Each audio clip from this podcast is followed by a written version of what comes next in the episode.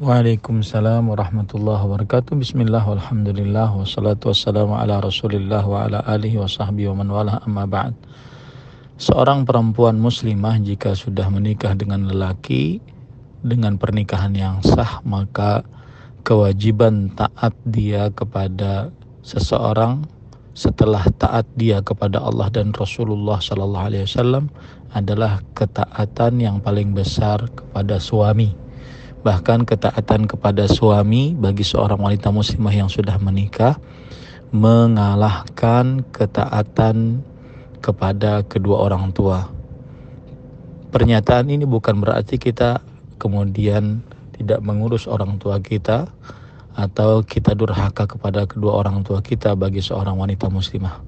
Tidak akan tetapi kita melihat dalil-dalil yang ada bahwa seorang wanita muslimah yang sudah menikah mempunyai suami yang sah maka kewajiban taat dia yang paling utama adalah menunaikan hak suami dibandingkan menunaikan hak orang tua. Allah Subhanahu wa taala berfirman, "Fassalihat qanitat."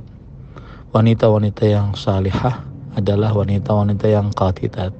Qanitat artinya wanita-wanita yang taat kepada para suaminya ketika dia sudah salihah taat kepada Allah Subhanahu wa taala kemudian dia wajib untuk taat kepada suami. Tidak ada hak yang paling besar yang wajib ditunaikan oleh seorang wanita muslimah yang sudah menikah dibandingkan menunaikan ketaatan kepada suaminya. Bahkan apabila ada seorang ibu atau bapak yang memerintahkan seorang anak perempuan yang sudah menikah untuk keluar rumah sedangkan suaminya tidak mengizinkan maka sang istri sang sua, sang perempuan tersebut wajib untuk mentaati suaminya.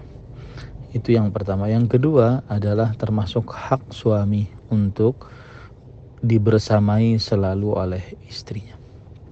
Termasuk hak suami untuk dibersamai oleh selalu istrinya karena suami berhak untuk menikmati istrinya kapan saja dan di mana saja sesuai dengan syariat Islam.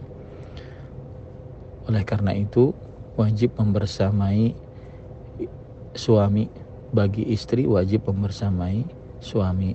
Wallahu alam.